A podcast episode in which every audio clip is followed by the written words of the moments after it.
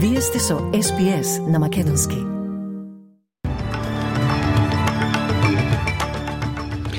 Од денешниот бултен издвојуваме. Премиерот Ентони Албанизе пристигнува во Сан Франциско на самитот на АПЕК. Министерот за имиграција Индру Гилс воведе нов предлог закон до парламентот за измена на законот за имиграција. Македонија домаќин на јубилејниот 20 министерски состанок на САД Јадранската повелба. Ако не се донесат уставни измени, треба со име да го ги кажеме оние што ја згрозуваат европската интина, изјави македонскиот министер за надворешни работи Бујар Османи.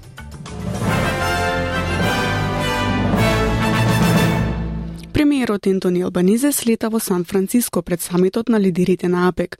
Партнерите на форумот за Азиско-Пацифичката економска соработка сочинуваат околу 75% од вкупната трговија со стоки и услуги во Австралија. Првиот настан на агендата на премиерот ќе биде средба со извршната директорка на Microsoft, Сатја Надела, чија компанија склучи договор со Австралија за обезбедување на обука и услуги за сајбер безбедност во вредност од околу 5 милиарди долари. Господин Албанезе ќе разговара и за прашањата на животната средина, вклучително и како да се соработува за да се намалат емисиите на јаглерод и да се направи транзиција кон обновлива енергија.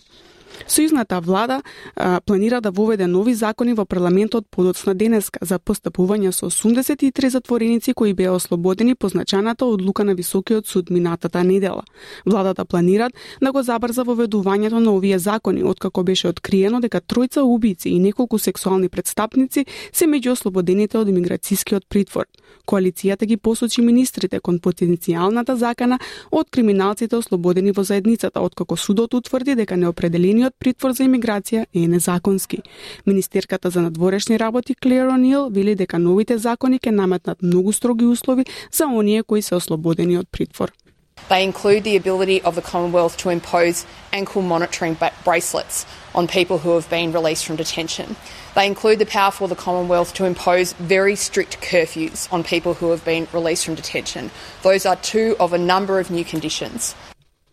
Шефот на Светската здравствена организација рече дека израелскиот воен упад во болницата Ал Шифа во Газа е целосно неприфатлив. Израелските војници влегоа во Шифа, на големата болница во Газа, како дел од нивниот напад на палестинската територија. Израел вели дека борците на Хамас имаа седиште во тунелите под болницата, изјава која Хамас ја негира. Генералниот директор на Светската здравствена организација Теодрос Адам Ноб Гебре Јесус на пресконференција во Женева изјави дека пациентите и персоналот мора да бидат заштитени и покрај тоа што болницата се користи за воени цели. Hospitals are not battlegrounds. We are extremely worried for the safety of staff and patients. Protecting them is paramount.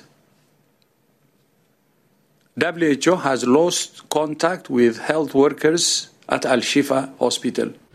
Шефот за хуманитарна помош на Обединетите нации Мартин Грифичес ги повика завојуваните страни да дозволат поголема помош во Газа и да им овозможат на хуманитарните работници и палестинците послободно да се движат во енклавата. So I haven't witnessed in my many, many decades of dealing with war an occasion on which so much attention is being paid to the requirements of international humanitarian law, otherwise called the rules of war. One of them is to allow people to go where they decide to go. They will decide where they're safe. They will decide when they want to move and not move. Според извештаите кои стануваат непотврдени, војниците на израелските одбранбени сили сега ја напуштиле болницата Алшифа и продолжуваат со војните операции надвор од неа ќе се воведат кривични казни за да се заштити австралискиот пат до подморниците на нуклеарен погон, а истовремено е избран и нов регулатор за да се обезбеди безбедност и усогласеност. Вршителот на должност на премиерот и министерот за одбрана Ричард Марлс ќе ги воведат новите закони подоцна денеска. Независниот австралиски поморски регулатор за безбедност на нуклеарна енергија ќе го надгледува процесот за лиценцирање за да обезбеди усогласеност со меѓународните обврски на Австралија, што го вклучува и неширењето на нуклеарното оружје. Оние кои што ќе ги прикажат своите должности се соочуваат со затворска казна од максимум 25 години, додека компаниите се соочуваат со казни од 31 милион долари. Председателите Џо Бајден и Си Джинпинг се состанаа на самето на Азиско-Пацифичката економска соработка АПЕК во Калифорнија, надевајќи се дека ќе ги стабилизираат односите меѓу САД и Кина по бурниот период. Лидерите последен пат зборуваа пред една година на Бали за време на самитот G20. Од тогаш врските меѓу меѓуекономските велесили се затегнати поради соборувањето на киненски шпионски балон од страна на САД и поради нивните гледишта за самоуправниот остров Тајван, како и други дипломатски инциденти. Председателот Бајден вели дека двајцата лидери не секогаш се согласувале, но соработката меѓу двете големи сили е од суштинско значење. We know each other for a long time. We haven't always agreed, which was not a surprise to anyone, but our meetings have always been candid, straightforward, and useful. We have to ensure that competition does not veer into conflict. We also have a responsibility to our people to work together when we see it in our interest to do so. And the critical global challenges we face from climate change to counter narcotics to artificial intelligence demand our joint efforts. Казнените трговски санкции наметнати на австралискиот извод од страна на Кина можно е да сопрат пред Божич. Пекин воведе санкции во вредност од 20 милиарди долари за австралиски производи за време на екот на дипломатските тензии во 2020 година. Остануваат санкции во вредност од околу 2 милиарди долари за одреден извоз, како јасток и говедско месо. Министерот за трговија Дон Фарел во Кина се сретна со својот кинески колега Ванг Вентао. Говореки за ABC Radio, сенаторот Фарел изрази уверување дека трговските прашања наскоро ќе бидат решени. I, I remain very confident based on my meeting uh, last week and uh, hopefully my meeting today um, that um, by Christmas um, all of these trade impediments uh, will be removed Министерката за одбрана Славјанка Петровска заедно со помошничката на секретарот за одбрана на САД за меѓународни безбедносни работи Селесет Валандер, повеќе колеги министри за одбрана и високи представници од земјите членки на САД и Јадранската повелба и земјите наблюдувачи денеска четврток во Скопје на јубилерниот 20 министерски состанок ќе разговараат на повеќе актуални теми од областа на одбраната, како јакнењето на регионалната соработка преку засилен одбранен диалог меѓу државите во регионот, заедничкиот придонес на земјите од Да А5 во мировни мисии и операциите на НАТО, како и организирањето на заеднички вежби и обуки. Украинските власти соопштија дека руски проектил удрил во стабен блок во источниот украински град Салидов, при што загинале две лица, а најмалку три други се ранети. Во полициско видео снимено пред бројот на жртвите да се искачи на двајца, спасувачките работници се обидуваат да го лоцираат телото на мртвиот маж заробен во урнатините. Украинскиот полицаец Алиса Хекили вели дека спасувачката мисија е во тек. We evacuated three people who were then taken care of by medical personnel and brought to the Selidov Central Hospital. As of this moment, we've rescued five people, among them was one child. We unfortunately found the body of one dead woman, and as of right now, her dead husband is still under the rubble. Членки на САД Јадранската повелба и земите наблюдувачи денеска четврток во Скопје на јубилерниот 20 министерски состанок ќе разговараат на повеќе актуални теми од областа на одбраната, како јакнењето на регионалната соработка преку засилен одбранен диалог меѓу државите во регионот, заедничкиот придонес на земјите од А5 во мировни мисии и операциите на НАТО, како и организирањето на заеднички вежби и обуки. Украинските власти соопштија дека руски проектил удрил во стабен блок во источниот украински град Салидов, при што загинале две лица, а најмалку три други се ранети. Во полициско видео снимено пред бројот на жртвите да се искачи на двајца, спасувачките работници се обидуваат да го лоцираат телото на мртвиот маж заробен во урнатините.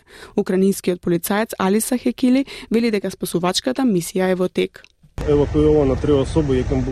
We evacuated three people who were then taken care of by medical personnel and brought to the Selidov Central Hospital.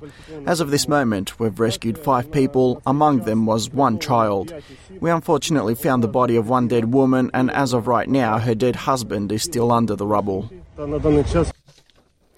Русија врши редовни ракетни и беспилотни нападни врз населениниците центри за линијата на фронтот за време на незината 21 месечна инвазија на Украина, но Москва негира дека таргетира цивили. Сеизмичката активност во југозападниот дел на Исланд во средата беше слична на последните неколку дена, изјави Исландскиот метеоролошки институт поради загриженост за неизбежна вулканска ерупција. Околу 800 земјотреси беа регистрирани во областа меѓу полноќ и пладне во средата, приближно исто како и предходниот ден. Исландскиот метеоролошки институт во соопштение соопшти дека веројатноста за ерупцијата останува висока и покрај намалувањето на сеизмичката активност од викендот. Одговорниот полициски службенин Стефан Велимир вели дека луѓето и понатаму се подготвени да се соочат со ерупцијата. Everyone is uh, really concerned about their home and the things they own. We already have some homes that are completely damaged because of the earthquakes. Uh, we're allowing people to go for five minutes into each home. One person from each home goes five minutes and grabs all the necessities they need.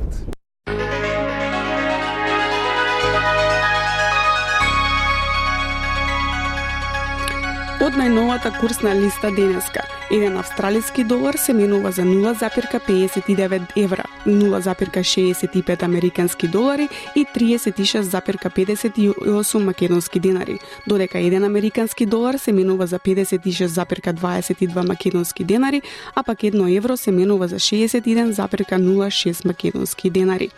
Временската прогноза за главните градови утре во Перт сончево со температура од 29 степени, во Аделаид сончево со температура од 26 степени, а во Мелбурн облачно со максимална температура од 18 степени, Хобарт исто така облачно 19 степени, а Камбера облачно со температура од 24 степени. Сиднеј можни врнежни со температура од 22 степени, Брисбен врнежливо температура од 30 степени, во Дарвин врнежливо исто така со температура од 33 степени, а пак во Алис Спрингс врнежливо со максимална температура од 33 степени.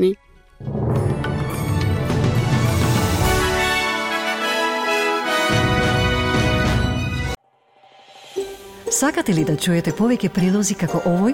Слушате подкаст преку Apple Podcasts, Google Podcasts, Spotify или од каде и да ги добивате вашите подкасти.